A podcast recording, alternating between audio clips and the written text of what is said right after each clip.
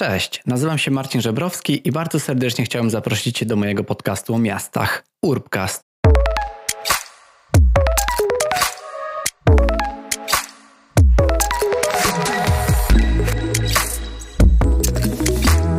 Cześć i witaj w najnowszym odcinku Urbcastu, który ponownie będzie takim odcinkiem bardziej wakacyjnym, bardziej w krótkiej formie, bo będzie to kolejne nagranie z Kongresu Polityki Miejskiej, na którym było mi dane być w czerwcu. Teraz porozmawiamy o suburbanizacji, mimo tego, że będę rozmawiał z osobą, która może Wam już być znana i może być kojarzona z czymś innym niż suburbanizacja, ponieważ w tej rozmowie będę rozmawiał razem z Krzysztofem Gubańskim, czyli socjologiem miasta, doktorantem w Instytucie Socjologii UW, warszawianistą i przewodnikiem po Warszawie, ale znanym też szerzej jako autor bloga Jeden samochód mniej, w którym popularyzuje wiedzę na temat rowerów, szczególnie rowerów cargo, ale też z racji tego, że Krzysztof jest częścią Instytutu Rozwoju Miast i Regionów, to skupiliśmy się też na um, jego badaniu o tym, jaka jest społeczna percepcja zjawiska suburbanizacji. I są to wnioski z badań jakościowych w, w obszarach funkcjonalnych Poznania, Lublina oraz Bełchatowa. Badanie Krzysztofa jest częścią większego badania, które nazywa się Jak definiować granice miejskich obszarów funkcjonalnych, czyli społeczne i ekonomiczne zyski i straty procesów urbanizacji w Polsce. Porozmawialiśmy o tych kosztach suburbanizacji, o być może, jeśli jakieś są, plusach suburbanizacji, o tym, czemu ludzie się przeprowadzają, no i także jaka może być rola rowerów elektrycznych w zniwelowaniu tego pewnego dystansu pomiędzy suburbiami a e, centrami naszych miast. Także zapraszam Was na naszą ciekawą rozmowę. A zapowiada nas Martyna Obarska z magazynu Miasta.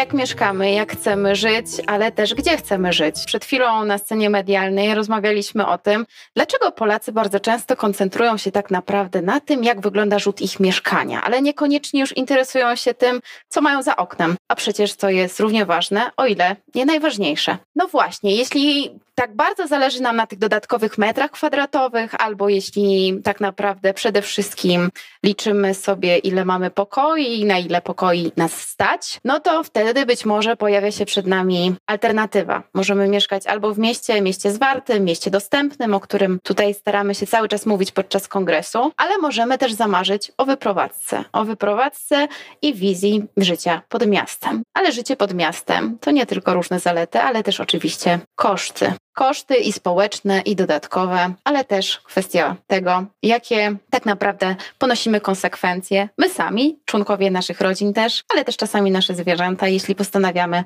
pod miasto się przenieść. I właśnie o tym, co też oznacza suburbanizacja w polskim wymiarze, ale też o tym, w jaki sposób można by ją było rozwiązać, może nie jako globalny problem, ale zastanowić się, czy różne nowe formy mobilności, na przykład rowery elektryczne, w jakikolwiek sposób mogłyby nam pomóc poradzić sobie z rozlewającymi się w Polsce miastami. Na ten temat porozmawiają i na pewno też na wiele innych Krzysztof Gubański, socjolog miasta z Instytutu Rozwoju Miast i Regionów i znany już Państwu Marcin Żebrowski. Zapraszam.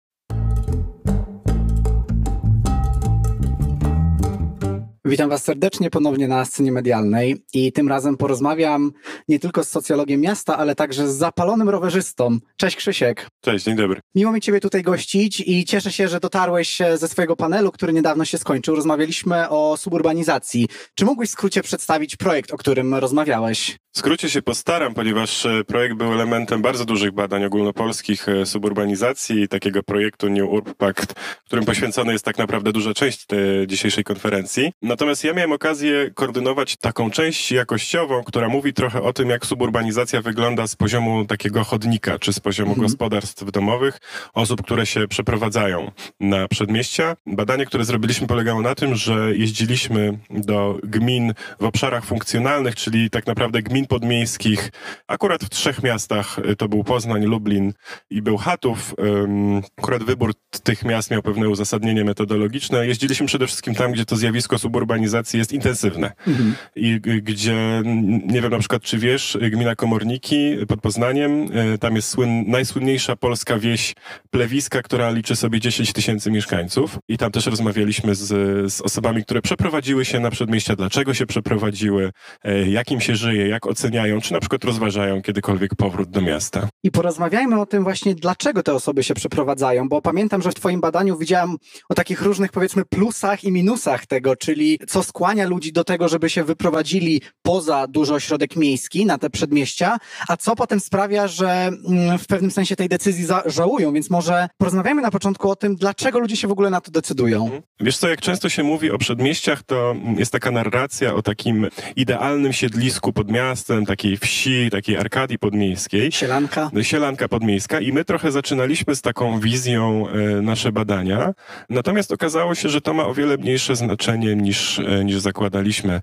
No mówiąc w sposób twardy, podstawową i pierwszą przyczyną tego, że większość osób przeprowadza się na przedmieścia jest konieczność zaspokojenia potrzeby mieszkaniowej, a tą potrzebę mieszkaniową możemy w sposób najtańszy i stosunkowo szybki zaspokoić poza granicami miasta, tak? To jest po prostu kwestia tego, że niezależnie od tego, czy budujemy dom w tak zwanym systemie gospodarskim, czy kupujemy mieszkanie, które jest finansowane z kredytu hipotecznego, to za określoną kwotę pieniędzy zawsze większy metraż po prostu dostaniemy na przedmieściach. No i więc ta kwestia po prostu mieszkaniowa, kwestia dostępności mieszkań i tego, że można po prostu dostać też tańsze mieszkanie, mniejszy wkład własny, albo na przykład jeżeli mówimy o z kolei różnych e, publicznych programach wsparcia spłaty kredytu hipotecznego, to one też premiują e, no po prostu niższą cenę z metra kwadratowego, więc to też jest coś, co napędza tą suburbanizację. Natomiast jak chodzi jeszcze w ogóle o takie powiedzmy czynniki no, osobowe, tak, mniej y, dotyczące jeszcze tego planowania przestrzennego, to trochę gdzieś ta wizja takiej arkadyjskiego życia jest, ale ona jest bardziej ucieczką od różnych problemów związanych, nie wiem, na przykład z funkcjonowaniem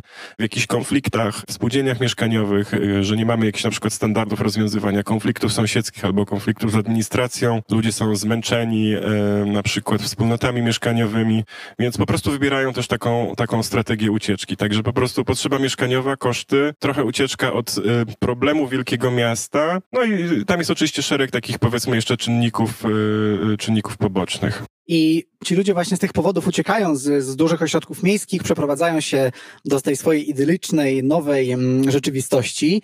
No i po pewnym czasie mogą zauważyć, że coś nie gra, że ta obietnica nie do końca jest odpowiednio spełniana. I porozmawiajmy sobie tutaj o tych kilku takich mm, negatywnych konsekwencjach takiej decyzji. Tak, chociaż powiem Ci jeszcze, że y, są też jednak rzeczy, które sobie ludzie bardzo chwalą. Mhm. E, na przykład wcale nie jest tak, że bardzo źle jest oceniany dostęp do rozmaitych usług takich społecznych, typu, nie wiem, szkoła, lekarz, sklep bo na przedmieściach paradoksalnie możesz mieć mniejszą konkurencję w dostępie do tego typu usług. Oczywiście poważne problemy są z dostępnością do infrastruktury technicznej, tak? Mhm. Drogi, chodniki, podłączenie do centralnego ogrzewania, podłączenie do gazu, kanalizacja, co oczywiście ma szereg konsekwencji, tak? No bo na przykład większość osób jest skazana na ogrzewanie e, paliwem stałym, co z kolei generuje tą niską emisję, smog. Są problemy transportowe, no bo nie da się zorganizować efektywnie transportu publicznego, nawet jakbyśmy bardzo chcieli, jeżeli mamy do czynienia z bardzo rozproszoną zabudową, więc trzeba mieć kolejny samochód, trzeba mieć miejsce na przechowywanie tego samochodu, trzeba go utrzymywać. Jeżeli ma się dzieci, jeżeli te dzieci są młodsze, no to trzeba je dowozić samochodem, jeżeli te dzieci są starsze, to te dzieci się trochę nudzą na tych przedmieściach, więc tym bardziej trzeba je, trzeba je dowozić.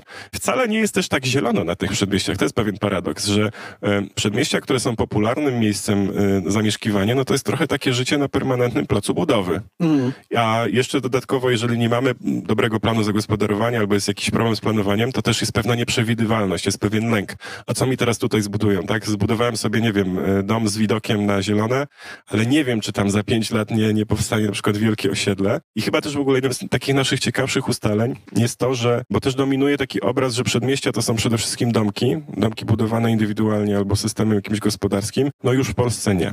Mhm. E, raczej zdecydowanie to jest e, zorganizowana działalność deweloperska, to jest skupywanie, to jest skupywanie ziemi, to są banki ziemi, taka tezauryzacja, tak, spekulacja gruntami. No oczywiście im większe miasto i jakby większy obszar funkcjonalny, tym to zjawisko jest, jest silniejsze, jest bardziej zorganizowane, że tak powiem sprofesjonalizowane. Poruszyłeś tutaj słowo klucz, którego no, nie, jest, nie jest ten sposób ominąć, bo wspomniałeś o transporcie i chciałbym teraz do tego transportu przejść, bo jesteś zapalonym rowerzystą, promujesz też, popularyzujesz rowery cargo, prowadząc blog Jeden Samochód Mniej. I porozmawiajmy też um, o pośrednio też temacie twojego kalejdoskopu, czyli sesji, której będziesz, którą będziesz miał jutro tutaj na kongresie, czyli jak ten rower, a w szczególności rower elektryczny, może pomóc jednak przybliżyć tych mieszkańców suburbii do centrów miast. Faktycznie jutro będę mówił tutaj o specyficznie pojmowanej elektromobilności, mhm. e, dlatego że w Polsce problem elektromobilności ogranicza się przede wszystkim do samochodów osobowych, no trochę ostatnio też do autobusów elektrycznych, chociaż to jest e, osobny temat. Natomiast zupełnie w Polsce nie mamy do czynienia z, e, czy jakby umyka nam taki trend, który jest totalnie galopujący w Europie i to są wzrosty naprawdę o 50% każdego roku, czyli trend rowerów elektrycznych, mhm. jako traktowanych jako no, poważny transport też na duże odległości no jeżeli sobie się przyjrzymy rynkowi, czy sprzedaży, czy, czy liczbie rowerów elektrycznych w Niemczech, we Francji, Wielkiej Brytanii, a nawet w Stanach Zjednoczonych, to to naprawdę są, są galopujące liczby. W Polsce nie, chociaż w Polsce produkujemy całkiem sporo rowerów elektrycznych i to na mhm. eksport, ale one nie trafiają specjalnie do polskich e, klientów, co jest oczywiście częściowo związane też z barierą cenową, ale też z barierą infrastrukturalną. Natomiast spytałeś, dlaczego to jest ważne w kontekście transportu, bo rower elektryczny to jest taka śmieszna zabawka, która, ja sam jeszcze rowerem elektrycznym na co dzień oczywiście, która powiedzmy zrywa z, z, pewnymi problemami, jakie są z tradycyjnym transportem rowerowym. Po pierwsze, e, rower elektryczny ma o wiele większy zasięg, tak? Czyli właśnie możemy mówić o tym, że to już nie jest efektywny środek transportu tam do 4-5 kilometrów, to jest efektywny środek transportu nawet do 20 kilometrów. Mówimy oczywiście o rowerach wspomaganych elektrycznie, to nie są skutery, tak? To są rowery, które mm, nadal pedałujemy, natomiast mamy, jesteśmy wyposażeni w baterię, w nowoczesny silnik elektryczny, który nas popycha. To jest tak trochę jakby nas ktoś pchał w bagażnik, kiedy jedziemy. One też wypłaszczają teren, więc jeżeli mamy miasta, które y, mają jakieś y, stoki, tak, nie wiem, Gdynia jest pewnie dobrym przykładem tam na Morenie, albo po prostu są na terenach górskich, no to ten problem też przestaje istnieć, tak? możemy mieć miasto, które jest położone na terenie górzystym i nadal jest miastem rowerowym. No i też y, oczywiście istnieje taki stereotyp, że rowery elektryczne to są raczej skierowane powiedzmy do niemieckich emerytów, tak? Że to jest taka grupa docelowa. Natomiast faktycznie jest tak, że jeżeli mamy jakiś realny problem z mobilnością taką fizyczną, no to rower elektryczny też nam dużo pomaga. Możemy pojechać o wiele dalej, możemy pojechać bez zmęczenia, bez zadyszki, bez spocenia się. No i jaki to ma związek z, z przedmieściami? No to jest już model, który jest wdrażany w Europie, że po pierwsze są programy subsydiowania zakupu takich rowerów. Na przykład we Francji jest ciekawy program, że jeżeli się zezłomuje swój samochód, to się dostanie dopłatę do roweru elektrycznego, ale w Niemczech też dopłacają bez, bez konieczności złomowania swojego ukochanego Volkswagena. Natomiast jednocześnie należy to połączyć z, z programem tematu, który też znamy, czyli Velostrad, tak? Czyli długich, bezkolizyjnych tras rowerowych, które prowadzą z przedmieść do centrum miasta. Bo właśnie kiedy mamy rower elektryczny i mamy taką infrastrukturę, to już przykłady holenderskie, niemieckie pokazują, że taki system działa, że ludzie chcą tym jeździć i traktują rower jako środek transportu, no nie tylko taki do poruszania się, jak mieszkam w śródmieściu albo mam blisko do pracy, tylko że y, właśnie w takiej sytuacji, kiedy mamy przedmieścia, gdzie mamy realny problem z transportem publicznym, samochodem będziemy stali w korku, no to ten rower połączony z taką infrastrukturą welostradową jest jakimś rozwiązaniem. Przekonuje mnie dojeżdżenie z podmiasta do miasta, do pracy czy do innych e, funkcji kulturowych e, na rowerze. Nie musisz mnie przekonywać osobiście, ponieważ z racji tego, że sam mieszkam w Kopenhadze, nie mógłbym nie korzystać z roweru. Natomiast pojawia mi się takie jedno ale, ponieważ mm, widzę to, że rzeczywiście jest dużo plusów z tego, że zamiast na przykład dojeżdżać samochodem i stać w korku, możemy się przesiąść na taki rower. Czasem możemy się spotkać z pewnym brakiem też tej infrastruktury, tych velostrad, o których wspominałeś. No, z tego co wiem, nie jest jeszcze w Polsce tak dużo, ale jest jeszcze drugie ale, które mi się pojawiło w głowie, a jest y, to koszt takiego roweru. I powiedz nam proszę tutaj słuchającym i, i, i także mi, jakie są koszta takiego roweru elektrycznego i jaki musi być w pewnym sensie bodziec, nagroda dla kogoś, żeby na ten rower się zdecydował kosztem na przykład samochodu. Tak, oczywiście to jest y, kluczowa kwestia. No jeżeli mówimy o jakichś takich konkretnych kwotach, to one są, to jest taki przedział od, nie wiem, 5 do 20 tysięcy złotych. Mhm. I to się może wydawać sporo jak na rower, ale jak na pojazd elektryczny, to to nie jest tak dużo, tak? Mamy programy subsydiowania samochodów elektrycznych w Polsce, które się cieszą bardzo średnim zainteresowaniem, a są to duże kwoty, więc moglibyśmy część tych środków przeznaczyć no, na wspieranie tego rodzaju mobilności. No więc na pewno takie subsydiowanie, to zwykle powiedzmy, jeżeli chodzi o przykłady europejskie, to jest na przykład y, voucher na zakup do 50%. W takim modelu amerykańskim bądź anglosaskim to są raczej e, odpisy podatkowe bądź ulgi podatkowe, że można taki rower rozliczyć jakoś tam w kosztach albo odliczyć sobie od podatku, więc zachęty finansowe, no ale przede wszystkim też e, posiadanie roweru elektrycznego to jest inwestycja, ale ona już potem nie kosztuje, tak? No nie ponosimy kosztów benzyny, koszt tam ładowania tej baterii z gniazdka, no to jest tak jakbyśmy naładowali kilka telefonów, tak? Więc jakby to jest kilka, chyba kilka groszy za, za 100 kilometrów, także prawie zerowe.